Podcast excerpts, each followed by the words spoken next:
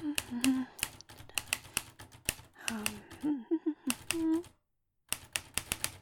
Medan jag sitter och skriver på mina avsnitt i den här podden slås jag ofta av tanken Men det är ju helt omöjligt.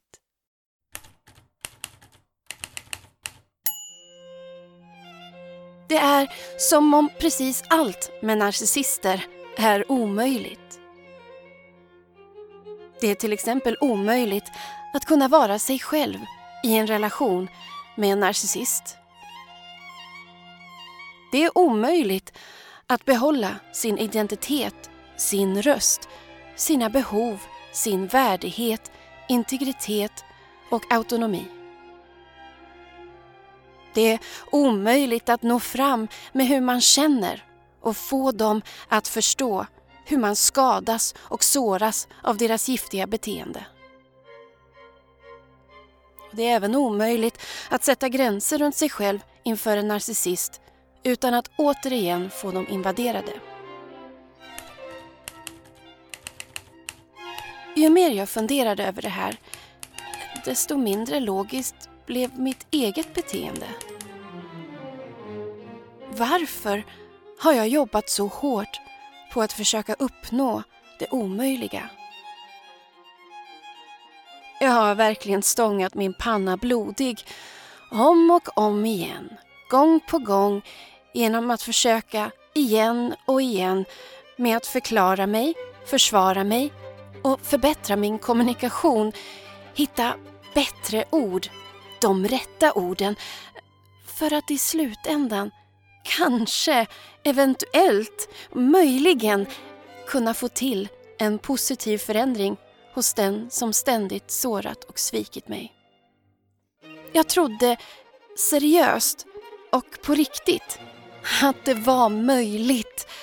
Bara jag blev bättre på att anstränga mig i min egen förmåga att nå fram. Så att göra det omöjliga möjligt låg liksom endast på mig att uppnå. Men varför?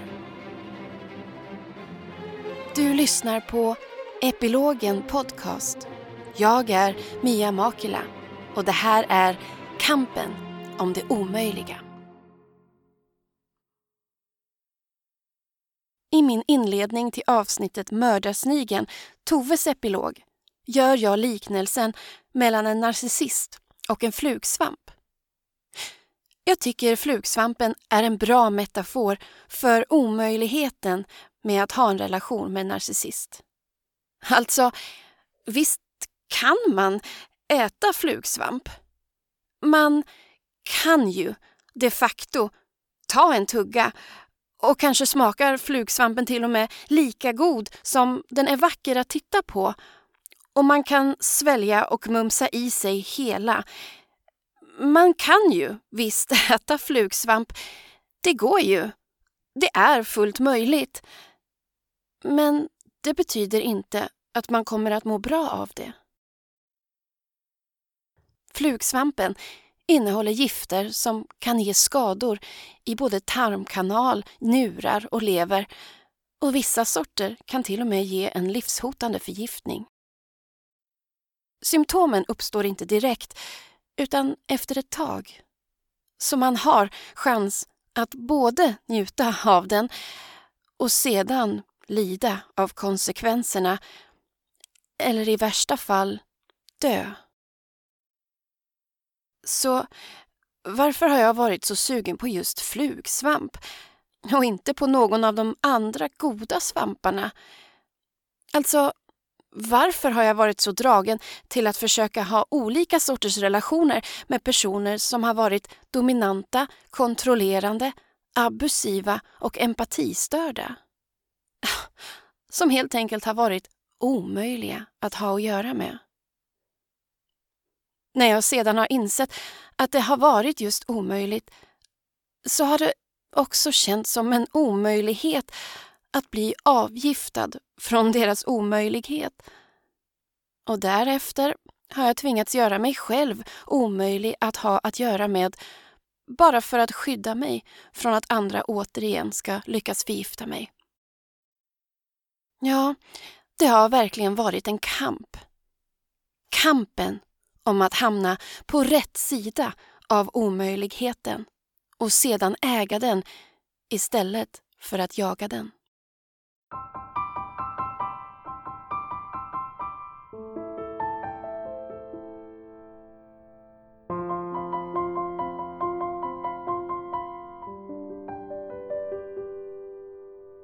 I det här avsnittet ska jag summera lite av den kunskap som jag har samlat på mig genom åren då jag har arbetat med den här podden.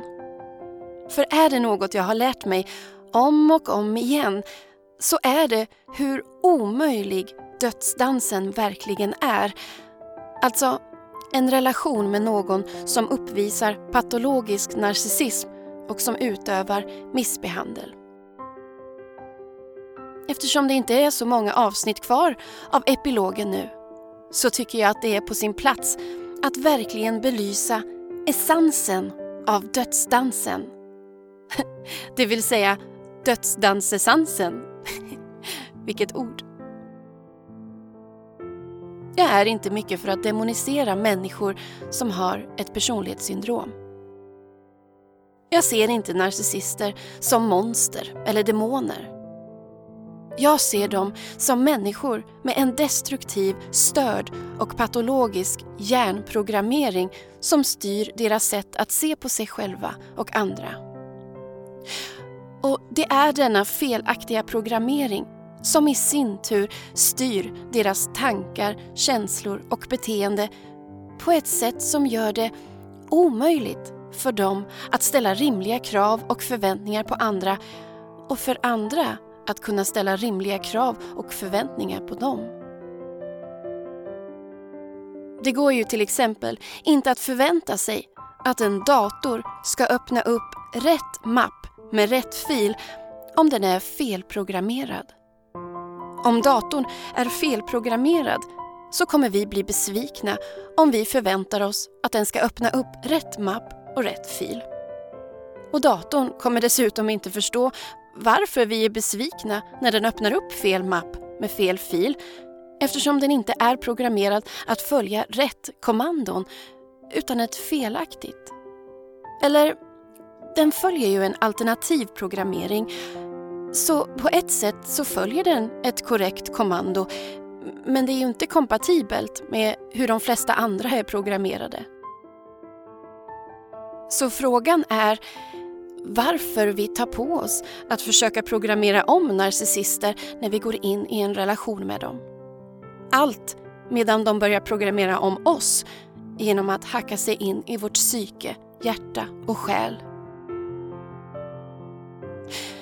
Kanske kan man säga att kampen om det omöjliga börjar med kampen om att vara den som kan förändra den andre.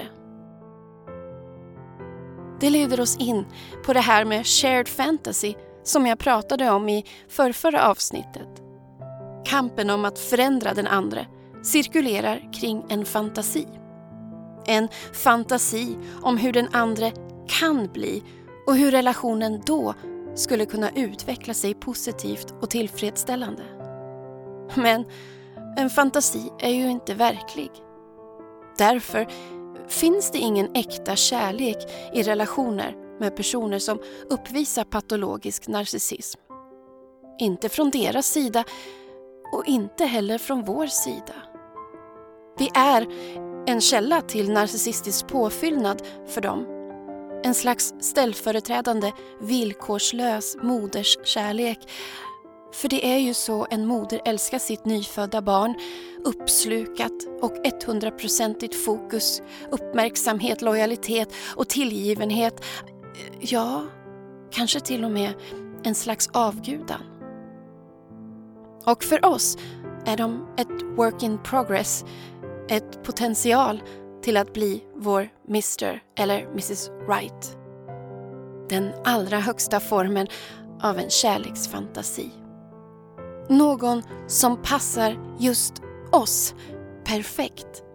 Som en skräddarsydd halva som passar med den halva vi själva upplever oss som eftersom det alltid har känts som det har saknats något inombords men som egentligen är något vi själva borde bearbeta och laga i oss själva. Därför fyller vi ett syfte för dem och de fyller ett syfte för oss. Det handlar alltså inte om att älska varandra så som vi faktiskt är, utan så som vi fantiserar om hur det skulle kunna bli. Sen, när kampen om förändringen är över och syftet därmed är uppfyllt.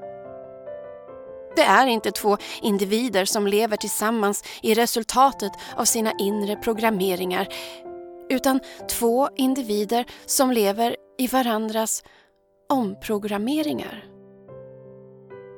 Det är inte kärlek. Det är identitetshacking.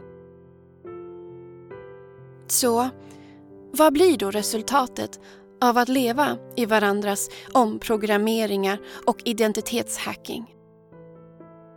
Det är just det vi ska utforska tillsammans i det här avsnittet.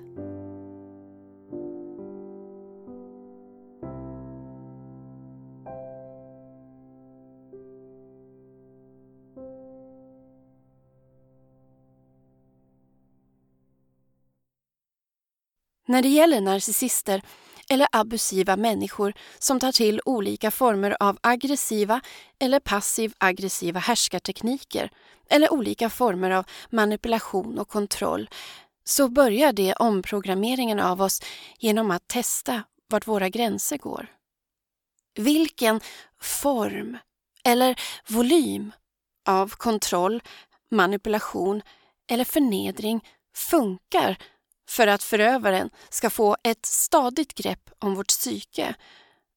Och hur långt kan de pusha fram gränserna för vad vi tolererar innan vi hotar med att lämna eller till och med packa väskan och drar. Ja, för att sedan kanske återvända då lockande löften om förbättring och förändring låter både uppriktiga och trovärdiga. Narcissister och abusiva människor testar våra gränser för att kunna urskilja hur pass villkorslös vår kärlek verkligen är. Om vi tolererar en redan testad form av förnedring, vad mer kan vi då tolerera och acceptera med vår ständigt förlåtande, ursäktande eller rent av tillåtande? Ju mer vi tillåter, desto mer nedbrutna och svagare blir vi och därmed lättare att omprogrammera och bli skräddarsydda efter vår förövares önskningar, agenda, behov och preferenser. För att kontinuerligt testa och utmana dessa gränser måste förövaren ta till olika former av våld och förnedring, det jag kallar det kortsiktiga våldet men samtidigt se till att alltid balansera upp sitt abusiva beteende med ett växelvis varmt och till synes genuint kärleksfullt beteende. Det finns troligtvis ingen människa som skulle stanna kvar i en relation om det endast förekom misshandel, våld och förnedring. Troligtvis inte ens en masochist. Därför är de harmoniska stunderna då allt känns lugnt, bra och normalt en viktig del av det jag kallar det långsiktiga våldet. Jag pratade om vad som motiverar just det långsiktiga och kortsiktiga våldet i avsnittet Vad är narcissistisk misshandel? Jag har kokat ner ett stycke från det avsnittet. Tänkte att det passade så bra in här. Det kortsiktiga våldet utövas plötsligt och explosivt för att få som hen vill i stunden. Det kortsiktiga våldet är därför kraftfullt och skrämmande och kommer som sagt ofta mycket plötsligt. Antingen i form av explosivt och aggressivt ursinne eller i form av en abrupt och passiv aggressiv tystnad och iskall kyla. Och här vill jag flika in en viktig insikt som hjälpt mig att läka från det kortsiktiga våldet. Den som utövar detta plötsliga våld har inte problem med sin ilska, utan de har problem med att du utövar din ilska, att du sätter dina gränser. Och det är en väldigt stor skillnad. För dessa individer kan behärska och kontrollera denna plötsliga vrede i andra sociala sammanhang. Det handlar inte om att inte kunna kontrollera sig själva, utan att kontrollera andra med kortsiktigt våld. Det långsiktiga våldet däremot är som ett osynligt gift som man långsamt och under en längre tid injiceras med. Lite i taget, hela tiden, även i de goda och fina stunderna. Det är ju därför jag kallar psykiskt och emotionellt våld för missbehandel. Eftersom misshandeln även innebär själva atmosfären i relationen. Och den kan man självklart inte ta på, utan ligger som en osynlig hinna över alltihop.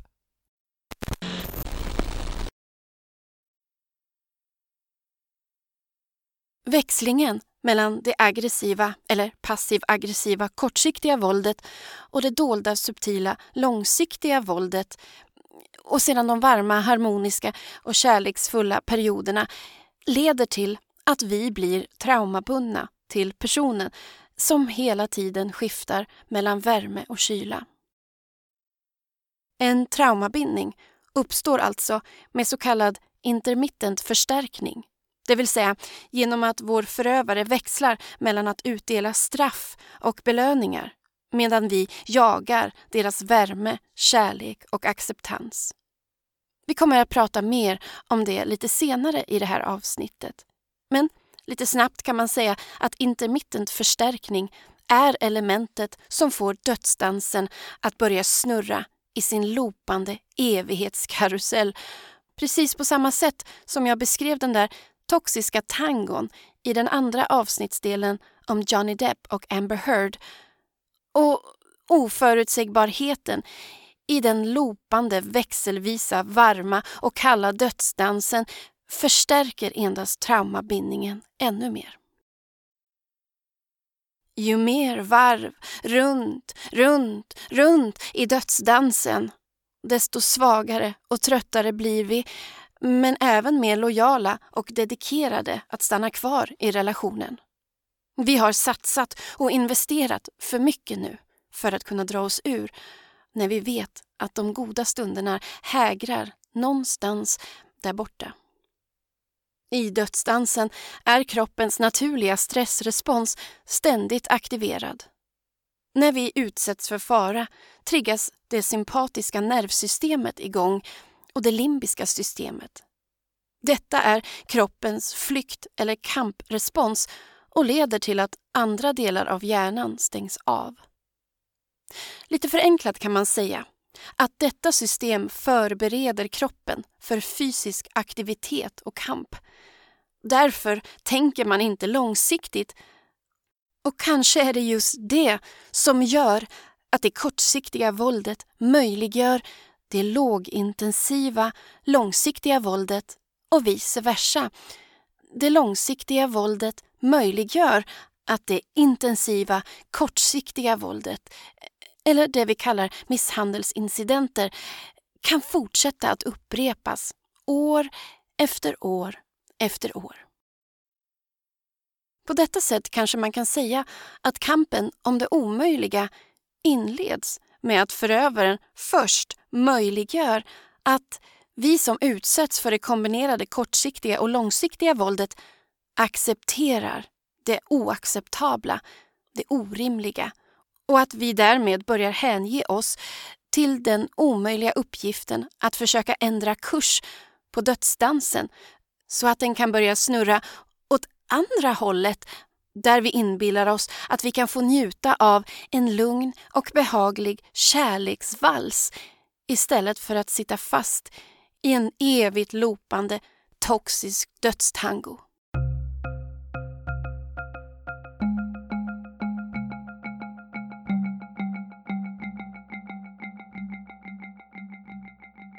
Kampen om att förändra den andre är alltså nu i full gång.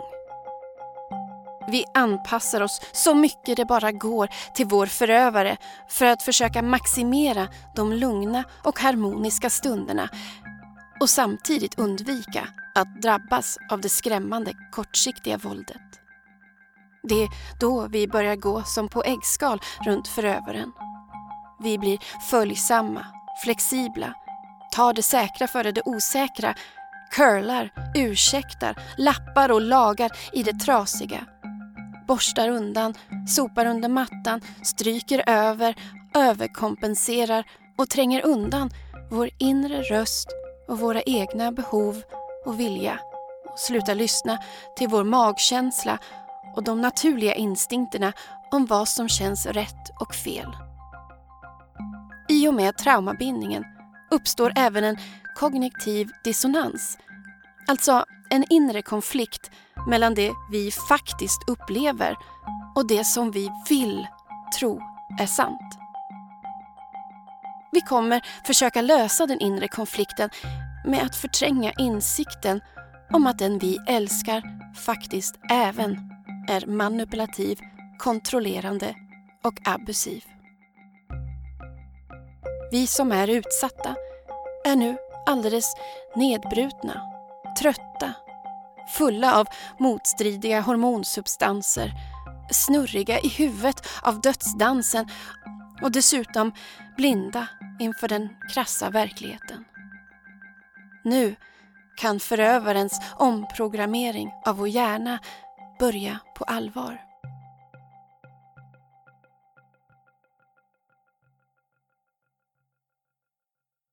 Verkligheten blir en fiende för både oss och vår förövare. Särskilt om det rör sig om en narcissist. Vi utvecklar både en slags verklighetsintolerans. Vi vill inte se vad vi blir utsatta för. Och förövaren vill inte erkänna vår riktiga identitet med allt vad det innebär. Våra individuella behov vår kapacitet, våra styrkor, brister, vår självbestämmande rätt, autonomi, självständighet och integritet. Förövarens omprogrammering avhumaniserar oss och vår önskan om att ta del av förövarens kärlek och acceptans bortom allt det skrämmande, sårande och grymma överhumaniserar dem, om man nu kan uttrycka det så. Här tänkte jag att vi skulle lyssna på ännu ett klipp ur avsnittet Vad är narcissistisk misshandel? En individ med NPD misshandlar i första hand inte för att skada andra utan för att panikartat försöka reglera det inre kaoset som skapas när den verkliga verkligheten bryter igenom deras verklighetsförfalskning där den självdesignade och falska självbilden plötsligt inte längre passar in eller makes sense. Den skada de orsakar andra är ofta en konsekvens av detta panikbeteende vid verklighetsläckan. Men här vill jag även lägga till att självklart blir narcissister arga och exploderar utav så kallad vanlig ilska, precis som vem som helst. Men i många fall utövas misshandeln som ett straff eller som en slags uppfostran helt enkelt för att lära andra hur de ska bete sig för att matcha personens behov, krav och förväntningar.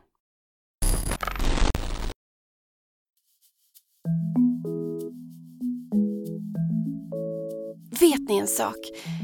Ni minns ju säkert mitt surrealistiska Inception-liknande äventyr i avsnittet Shared Fantasy, en kärlekspsykos där jag lyckades transportera mig själv genom tid och rum in i ett tidigare poddavsnitt. Ja, och mer eller mindre kidnappade två fiktiva karaktärer, Lena och Martin, där de medverkade i en quizshow i avsnitt 4. Om ni inte har lyssnat på det avsnittet så har ni verkligen något spännande att se fram emot. Så gissa vad jag har här? Jo, det ska jag berätta. Det är en anmälan från IPA, eller Internationella poddadministratet. Tydligen är det Quizmaster som anmält mig efter den där kidnappningen i hans quizshow och IPA straffade mig med en form av poddsamhällstjänst eh, som innebär att jag... Eh, vänta, ska jag läsa till här? Och nu citerar jag. Måste bidra till nytta i den poddvärld jag har byggt upp. Deras egen definition. Så ironisk nog har jag fortsatt att hämta Lena och Martin för att tillsammans med dem utforska narcissistisk misshandel så att mina nya avsnitt kan bli ännu bättre. Så jag har åkt tillbaka till avsnitt fyra flera gånger om nu. Men skillnaden är att jag har hämtat dem innan de var med i quizshowen. Så på så sätt har det inte stört eller förargat Quizmaster. Bra va? Oh, alltså ibland är jag så himla smart.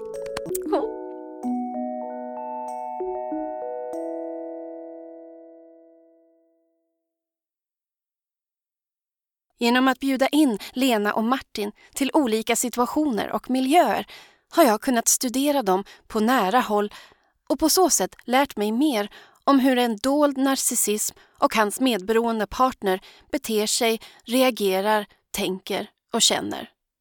Ja, och på så sätt har jag då kunnat samla in nya insikter att dela med mig av till er här i podden. Och ja, så kan jag alltså bidra till nytta i den poddvärld jag har byggt upp, för att citera IPAs straffbeslut.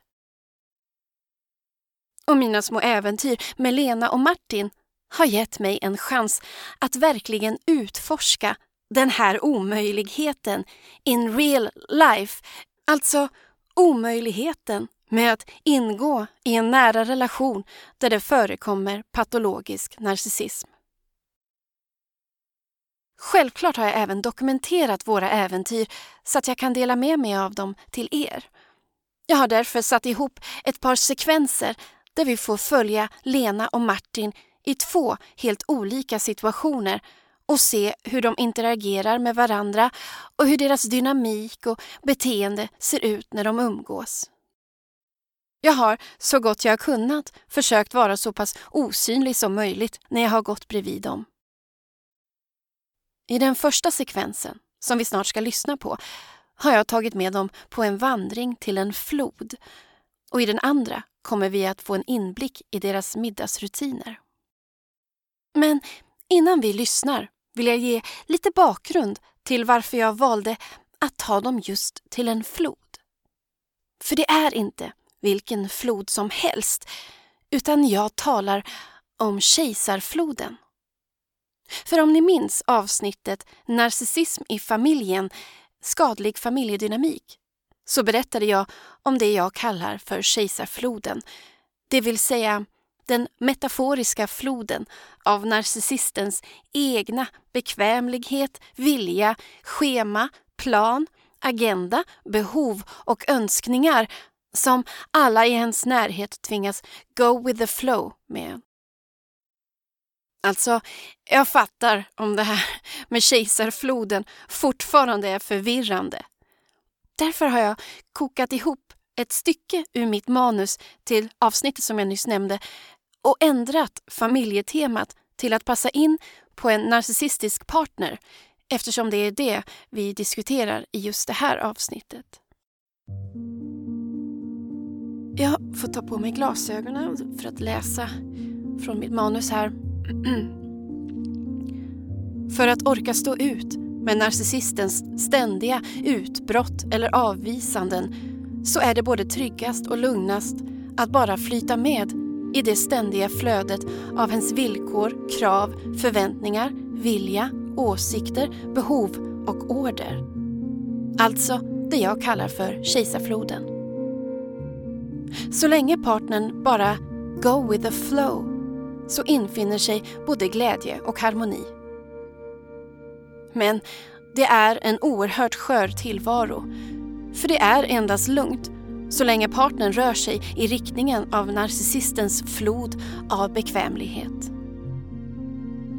Minsta lilla tecken på obekvämlighet bryter flodens sköna flöde för narcissisten och reagerar med vredesutbrott, kyla eller martyrskap. Och här kommer en liten lista på saker som på en enda sekund kan trigga narcissistens vrede. Som ses som ett nästintill kriminellt flodbrytande beteende. När partnern uttrycker ett eget behov, en egen vilja, en egen agenda, en egen plan, en egen röst. Om partnern ifrågasätter, utmanar eller kritiserar narcissisten eller retsamt skämtar på hens bekostnad. Men även om partnern inte lever upp till narcissistens förväntningar och krav och inte följt narcissistens exakta instruktioner, order eller befallningar. Slutsatsen är alltså att det helt enkelt är omöjligt för partnern att vara sig själv inom relationen eller att vara fri att följa sin egen inre röst och dess flod och riktning av egna behov, vilja, förväntningar, villkor och krav.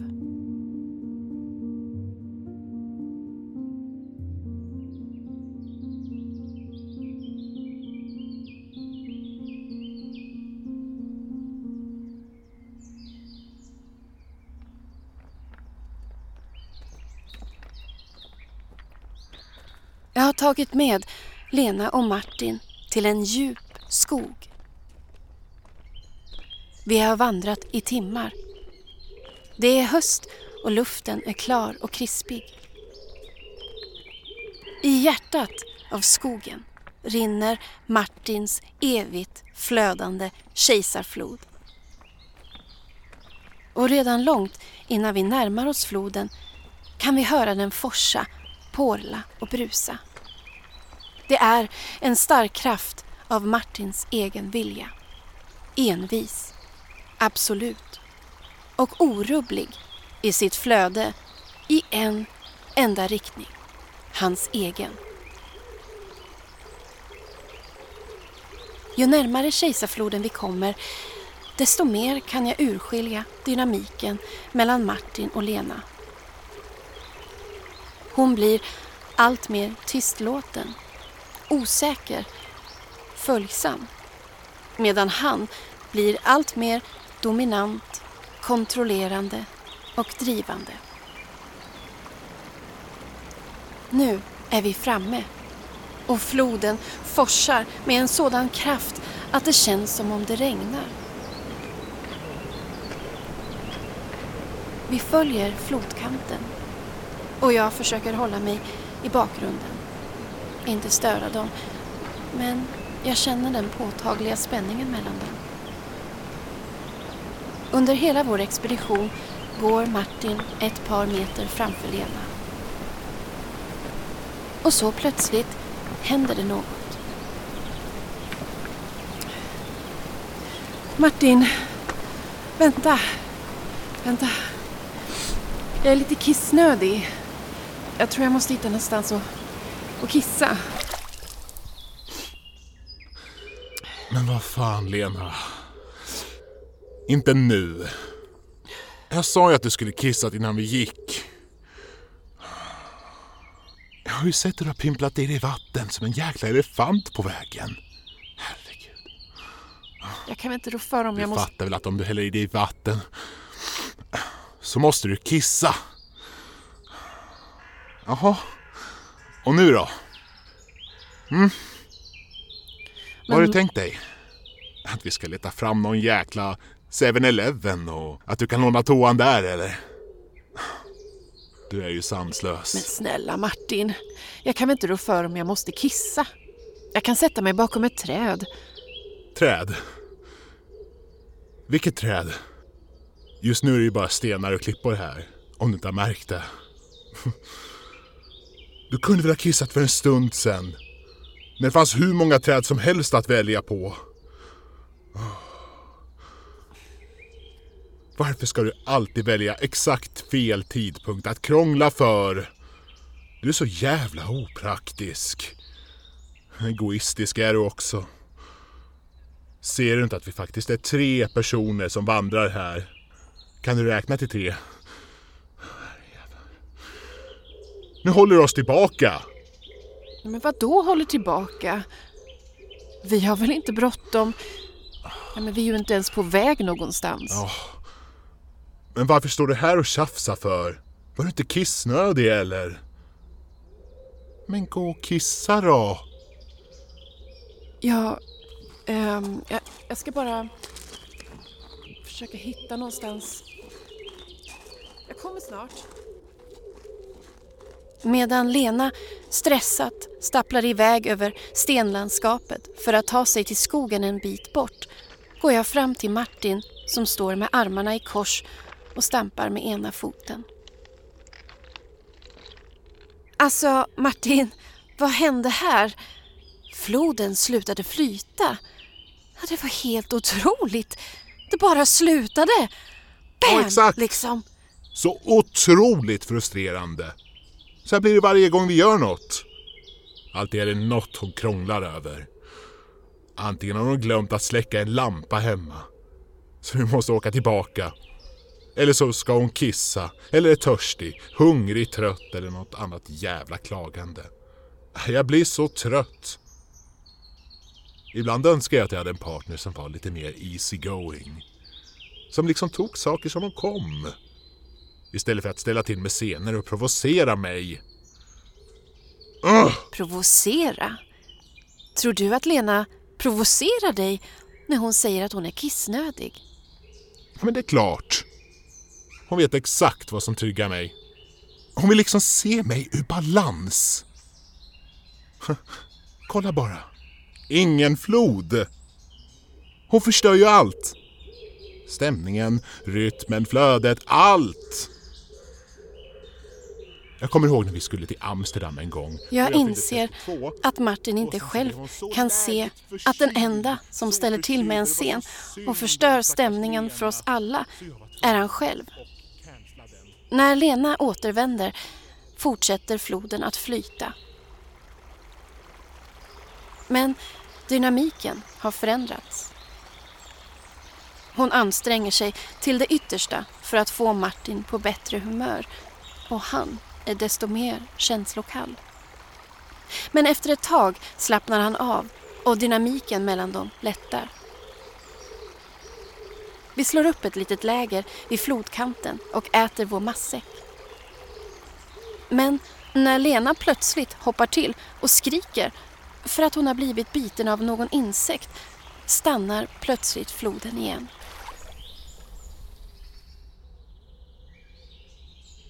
Han tycker hon är löjlig och förstör den mysiga stämningen. Hon blir sårad och säger att han kan väl visa lite empati eftersom bettet är både svullet och gör ont. Och så här håller det på under hela dagen som vi vandrar längs Martins kejsarflod. Lena bryter floden lite titt som tätt och varje gång det händer beror det på att hon inte flyter med i hans flow. Som när hon har en egen åsikt eller ifrågasätter honom det minsta. Men Martin, du har glömt att packa ner blåbärsmuffinsen som jag bakade bara för den här resan. Vad menar du? Att jag ska hålla koll på allt eller? Jag har inte bett om att du ska baka. Det här var din idé och då utgår jag ifrån att du har ansvar över dem och tar med dem eller inte. Ja, men det var ju du som packade matsäcken och muffinspåsen låg ju där på köksbänken. Jag påminde ju om det igår kväll, att inte glömma att ta med dem och det lovade ju. Alltså ärligt talat. Men skitsamma, det är inte viktigt. Ja, tydligen så viktigt att du vill starta ett gräl om det. Ja, men, nej, nej. Har du märkt att du alltid klagar och hackar på mig? Men Martin, brusa inte Så fort nu. vi ska göra något roligt ihop. Jag blir faktiskt uppriktigt ledsen, Lena. Att en sån skitsak som blåbärsmuffins ska göra dig så ur balans att hela vår upplevelse här i den vackra naturen blir helt förstörd. Nej, Alltså, ärligt talat. Fy fan! Åh. Allting måste man göra själv.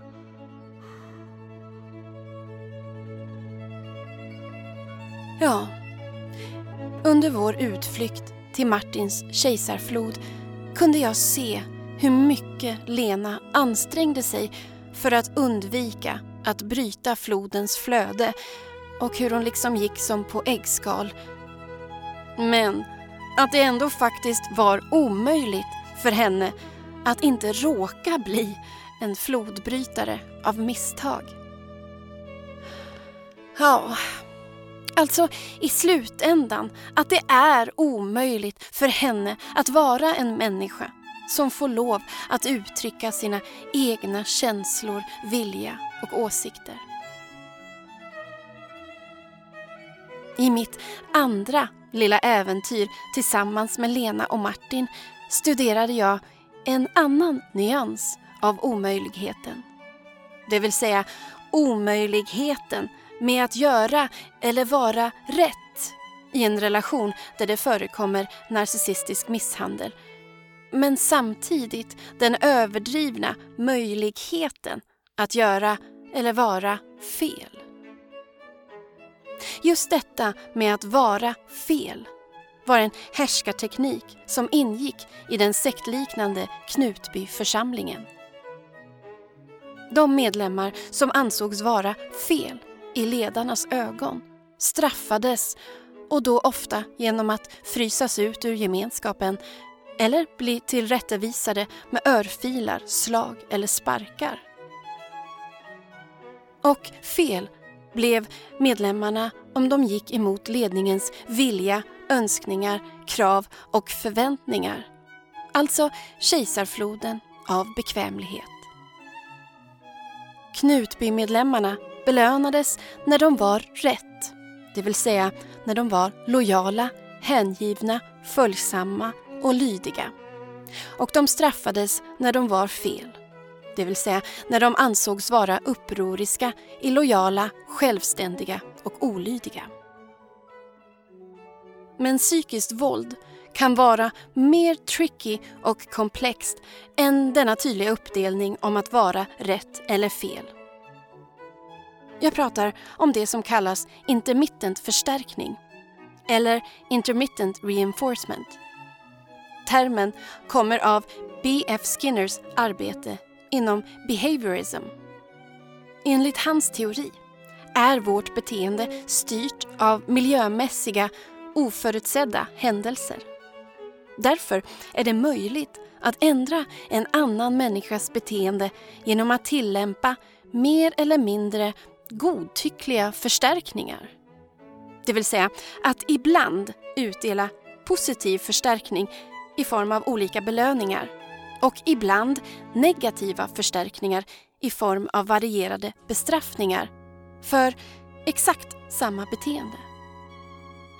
Personen kommer inte veta vad de kan förvänta sig, straff eller belöning och det leder till en slags inre paralysering eller en inlärd hjälplöshet. Många kanske undrar varför man stannar kvar i en relation där det förekommer random utdelningar av straff. Men faktum är att det är just det inkonsekventa med intermittent förstärkning som är oerhört beroendeframkallande. Personen jagar hela tiden belöningarna och står därför ut med bestraffningarna i hopp om nya belöningar. Ja, trots nya bestraffningar. Ja, det blir som en orm som biter sig själv i svansen. En dödsdans som lopar och aldrig tar slut. Resultatet blir att personen blir utmattad, förvirrad, försvagad, nedbruten och därmed även betydligt lättare att kontrollera.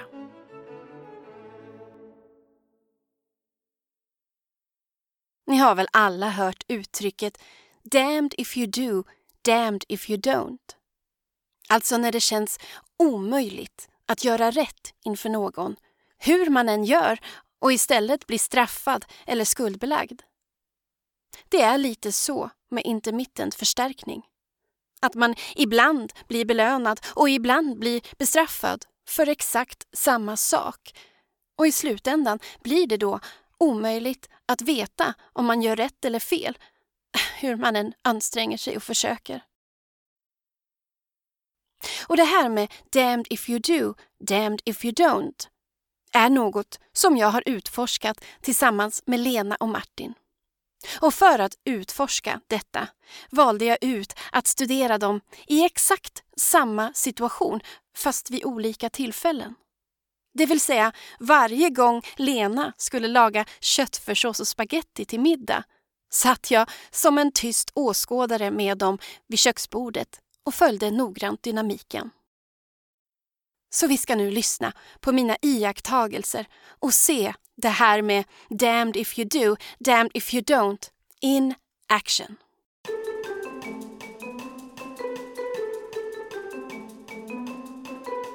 Vi befinner oss nu i Lena och Martins kök. Martin har jobbat sent och Lena håller på att förbereda en sen middag åt dem. Det blir köttfärssås och spaghetti. Det brukar hon laga första kvällen när han jobbar kvällspass. För det blir alltid så pass mycket över att hon kan fixa matlådor åt honom som räcker nästan hela veckan. Och på så sätt får de lugnare kvällar tillsammans. Och just den här kvällen har Lena dukat fint, kokat pastan som hon har ställt fram i en skål och köttfärssåsen doftar ljuvligt i stekpannan som står på ett underlägg på matbordet. Men när de börjar äta så... Men vad fan? Har du använt vitlökssalt i pastan? Vitlökssalt? Är du dum i huvudet eller? Pasta ska inte smaka vitlök. Det vet vilken amatör som helst. Kan du inte se skillnad på saltkaret och vitlökssaltet eller? Helt otroligt. Nu är ju hela middagen förstörd. Förlåt, jag... Jag vet, jag måste ha varit lite tankspridd. Det var ett misstag, Martin. Förlåt.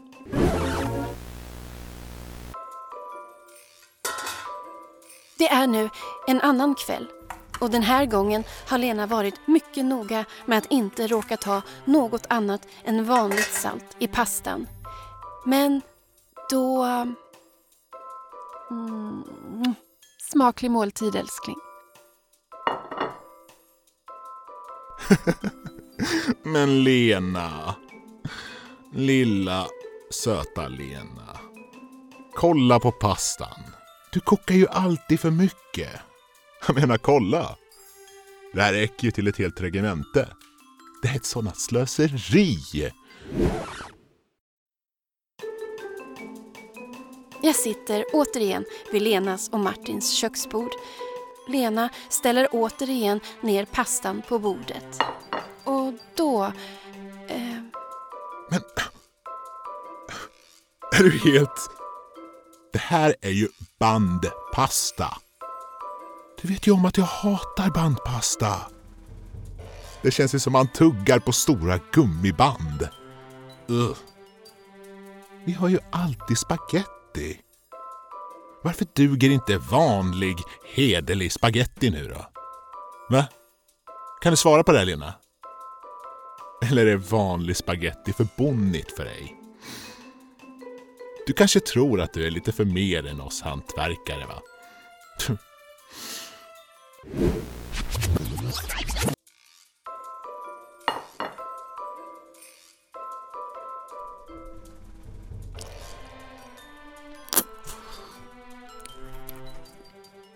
Ew! Du har ju kokat pastan för länge. Det klibbar ihop sig som gröt, Lena. Jag menar, kolla här. Som klister ju. Har du aldrig hört talas om eh, al dente?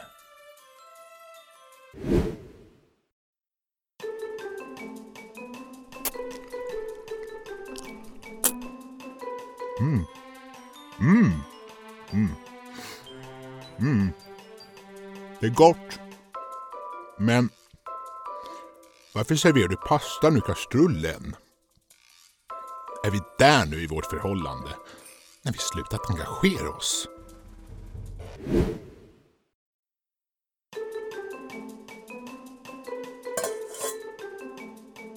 Ja men gisses vad lite pasta du kokat. Är det krigstider eller? Mm. Mm. Mm. Fan vad bra du är på att laga mat Lena. Mm. Älskar din köttfärssås och spagetti. Mm. Men... vad är det du har på dig egentligen? Har du köpt den där gräsliga tröjan?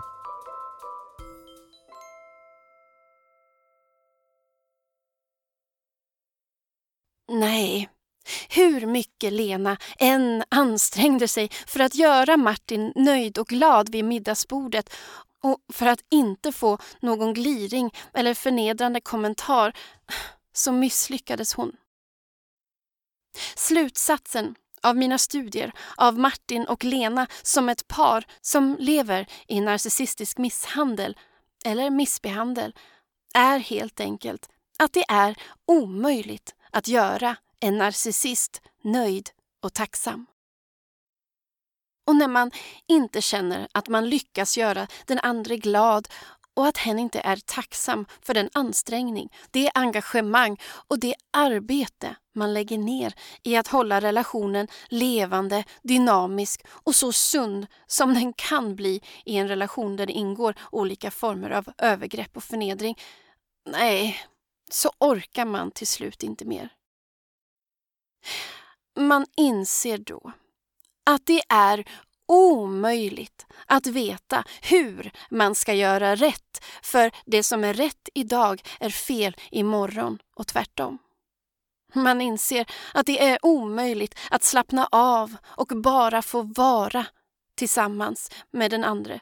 eftersom man hela tiden måste gå som på äggskal eller stå på tå och vara beredd på att spelreglerna ändras eller ständigt drabbas av en översköljande känsla av att vara otillräcklig, missförstådd, attackerad, sviken, sårad och besviken. Och som jag sa i början av det här avsnittet så är det omöjligt att nå fram om hur man känner för att få till någon slags förändring. För oss som är normalt programmerade i vår förmåga att känna känslomässig empati, omtanke och hänsyn är det mer eller mindre en självklarhet att lyssna på dem vi älskar och ta till oss information om hur vårt beteende kanske skadar eller sårar dem. Har vi en empatisk förståelse för deras upplevelse så ändrar vi ju på det beteende som vi inser är destruktivt och sårande. Åtminstone så försöker vi att ändra på det. För de flesta av oss vill ändå förändras och utvecklas till det bättre. Men det vill inte individer med narcissistiskt personlighetssyndrom som lider av empatibrist. Och det är det som gör det så omöjligt. Det är inte så att de inte förstår vad vi säger. Det är inte så att de inte förstår att de beter sig fel. Men de vill helt enkelt inte ändra på något. De beter sig ju abusivt av en, eller flera anledningar. Det är de som styr kejsarfloden och så länge det råder status quo så känner de sig i överläge, i kontroll över flodens riktning, intensitet och tempo. Och eftersom de hela tiden strävar efter att upprätthålla ett status quo så använder de olika manipulativa strategier, missbehandel och härskartekniker. Det kan till exempel vara att skapa cirkulära diskussioner som bara går runt, runt och aldrig leder till någon lösning. Eller kanske genom gaslighting. Eller någon av reaktionsstrategierna inom det som kallas DARVO, som är en förkortning på Deny, Attack and Reverse Victim and Offender. Det vill säga förneka, attackera och byta plats på offer och förövare. Så det går alltså inte att leva med en narcissist, inte att nå fram till dem och inte få till någon förändring. Nej.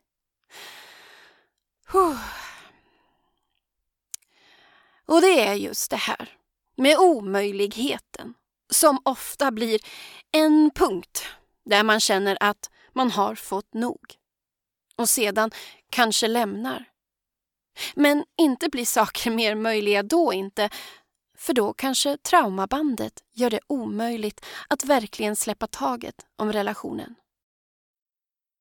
Vi som har tagit oss ur en relation med en narcissist vet dessutom att narcissistens dömande röst sitter kvar i ens huvud länge, länge efter att relationen tagit slut och det känns ofta omöjligt att veta vilka tankar och känslor som kommer från en själv och vilka som faktiskt tillhör narcissisten.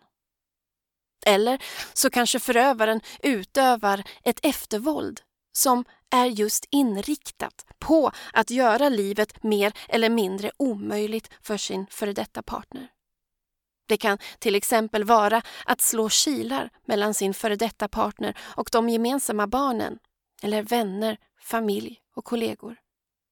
Eller att starta en smutskastningskampanj som är omöjlig att försvara sig mot utan att samtidigt hälla bensin på elden.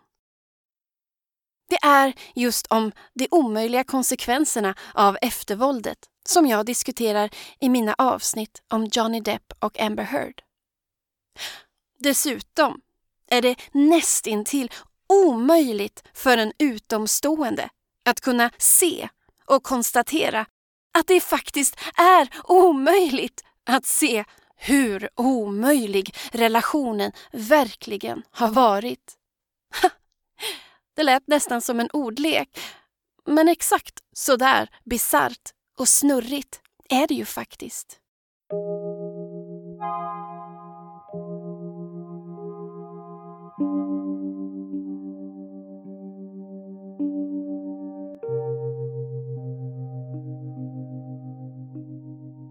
Det enda sättet att skydda sig mot en narcissistisk person är att undvika dem.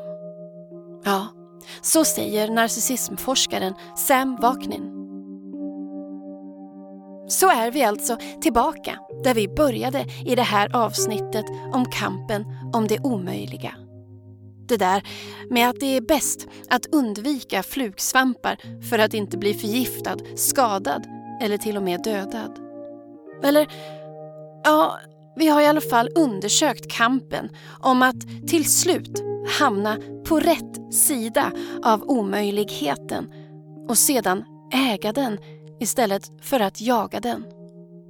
Men hur går det till när man börjar äga sin egen sida av omöjligheten?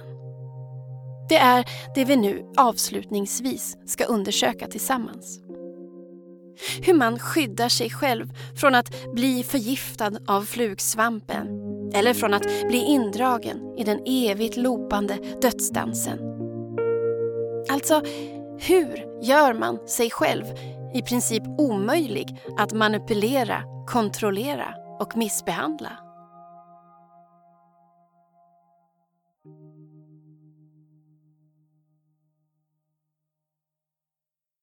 Det är inte lätt Tror inte det är lätt att avgifta sig själv från flugsvampsförgiftning heller eller att hoppa av en snurrande karusell som lopar i en hiskelig hastighet. Så först behöver man professionell hjälp av någon som förstår tyngden av traumat och utsattheten av att befinna sig i en sådan hemsk situation. Därefter bygger man ett slags mentalt immunförsvar genom att söka upp och absorbera kunskap om psykiskt våld, manipulation, missbehandel och narcissism i kombination med insikter om sina egna destruktiva beteendemönster, anknytningsstil och föreställning om kärlek, relationer och integritet. Ja, det jag kallar för läkning i 3D. Att inte bara se ena sidan, utan våga se helhetsbilden för att kunna urskilja sin egen del i dödsdansen så att man inte längre kommer vilja söka sig till flugsvampar eller nya dödsdanspartners. Men när det gäller att skydda sig från den förövare som man har lämnat gäller endast två alternativ. Den så kallade nollkontaktsregeln eller lågkontaktsregeln. Regeln om nollkontakt, eller going no contact som det heter på engelska, är en strategi som Sam Vaknin föreslog redan i slutet på 90-talet då allmänheten fortfarande visste mycket lite om beteendemönstret bakom patologisk narcissism och dynamiken inom narcissistisk misshandel. Strategin riktar sig till offer för just narcissister och psykopater för att de ska kunna bryta sig loss ur det psykologiska järngrepp som förövaren har över deras psyken, hjärtan, kroppar och liv. Nollkontakt betyder naturligtvis noll kontakt med förövaren. Alltså att det inte finns någon som helst kontaktyta. Men det innebär att förutsättningarna är sådana att man inte har aktiva gemensamma band till någon eller något.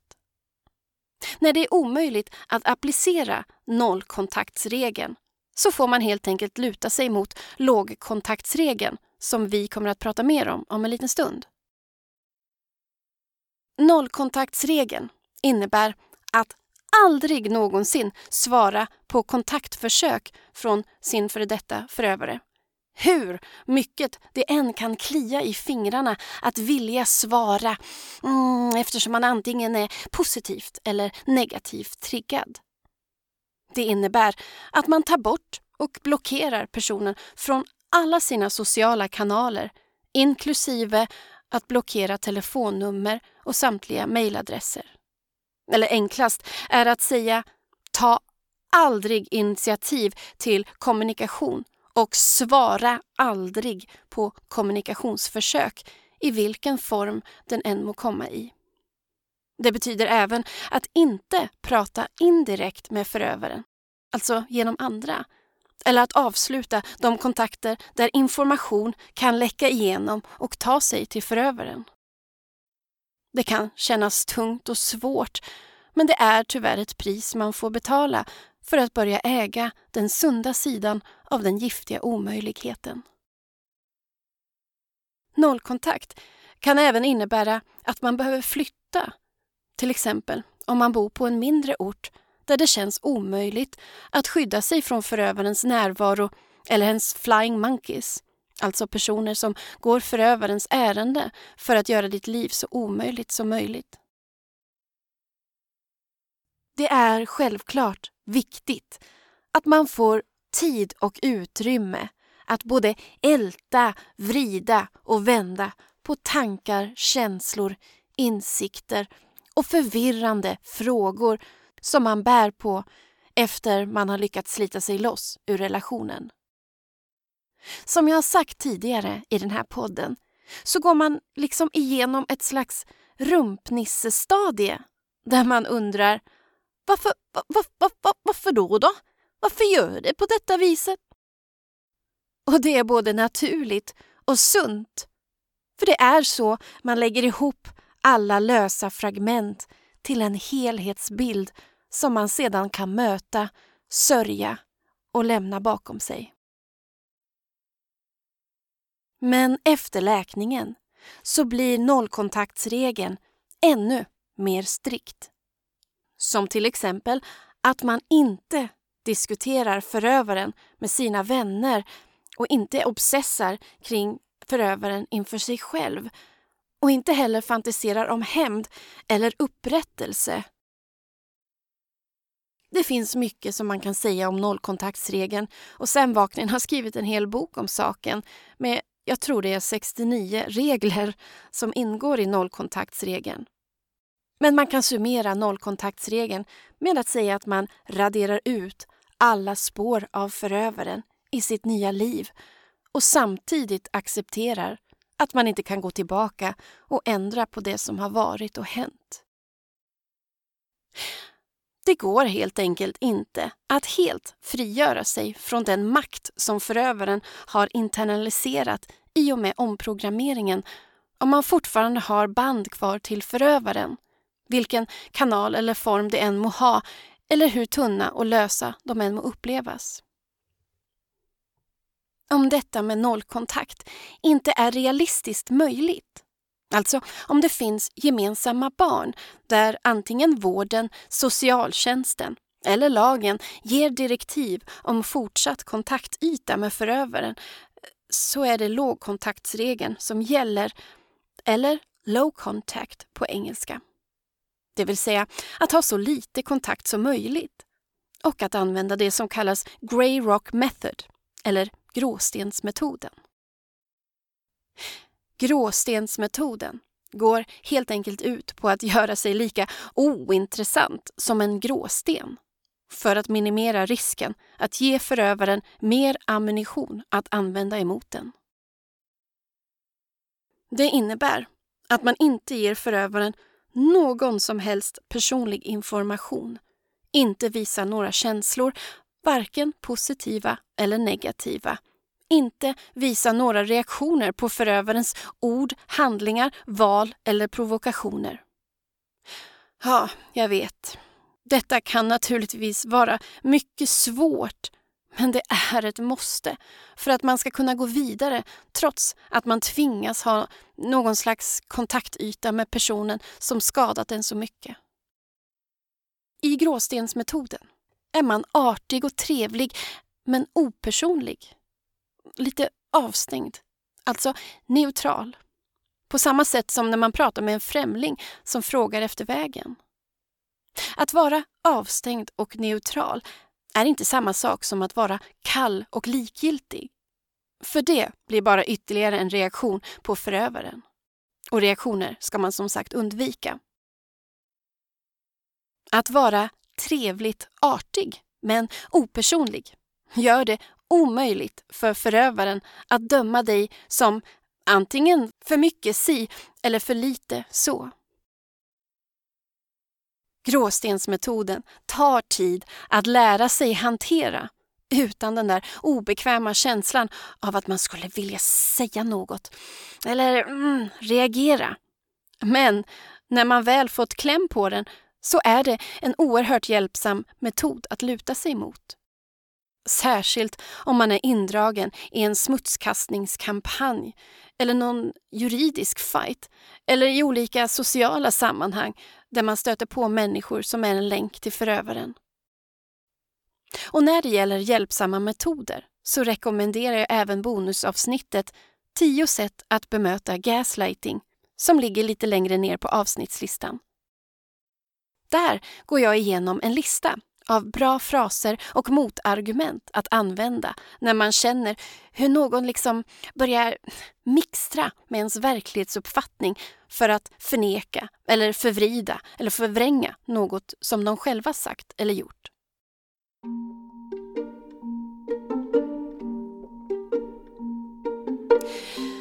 Ja, hörni. Nu är det väl dags att runda av det här avsnittet det börjar bli lite långt och matigt nu. Och tänk att jag till slut lyckades göra poddadministratet IPA glada genom att ta med Lena och Martin på ytterligare poddäventyr. Tanken med det här avsnittet har varit att göra er ah, så jävla less på allt det här med narcissism, förövare och dödsdanser. Efter den här långa dragkampen om att äga sin sida av omöjligheten är det svårt att medvetet välja att mumsa i sig flugsvamp istället för att försöka undvika dem så gott det går och istället försöka bli nyfiken på de goda, snälla svamparna i skogen. Och självklart går det inte att undvika giftiga människotyper och skadliga personligheter. De finns överallt och både människor som är omedvetna om deras beteendemönster och vi som har läst på kan drabbas igen och igen. Skyddande strategier, metoder och verktyg gör oss inte immuna mot narcissister, psykopater och giftiga människor. Men det gör att vi har god chans att genomskåda deras beteendemönster och sedan dra tydliga och intakta gränser runt oss. Ja, och avsluta relationen så fort gränserna återigen blir invaderade och överkörda. Se det här avsnittet som ett inspirerande verktyg. En slags omöjlighetsprincip. Ungefär som min orimlighetsprincip om ni minns det avsnittet. De två principerna lirar även väldigt bra ihop. Först applicerar man orimlighetsprincipen och slutar att acceptera orimligt beteende. Sedan levlar man upp och tillämpar omöjlighetsprincipen när det helt enkelt inte blir någon förändring på det orimliga beteendet. Ja, och då konstaterar man krast att man inte längre har någon lust att försöka göra det omöjliga möjligt. Utan ser relationen som den verkligen är. Som hopplöst fucking omöjlig.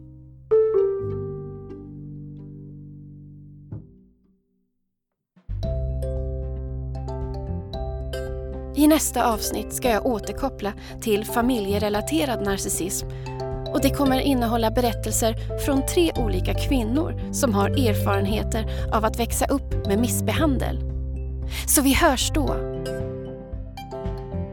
Jag som producerar, skriver och framför Epilogen Podcast heter Mia Makila och är konstnär. Mer info om både mig, min konst och epilogen finns på miamakila.com. Och vet ni? Jag har gått och blivit kär! Det är en helt magisk kärlekshistoria som faktiskt började med något som har med Epilogen Podcast att göra. Men denna fina historia sparar jag till det sista avsnittet av den här podden som kommer släppas senare i vår. Däremot kan jag ju avslöja att min kärlek heter Joakim Wilson och är skapare och rösten bakom den litterära skräckpodden Sömnlöspodden. Kolla gärna in den. Och som ni kanske kan ana nu så var det även Joakim som spelade Martin i det här avsnittet. Äntligen en riktig mansröst i podden och av en äkta poddande röstskådespelare dessutom. Vilken bonus! Vi hade verkligen så kul när vi arbetade med replikerna och mellan tagningarna skrattade vi så vi grät. Ja, vi har verkligen så roligt ihop och jag känner mig så oerhört lycklig. Hur som helst, tack för att du har lyssnat.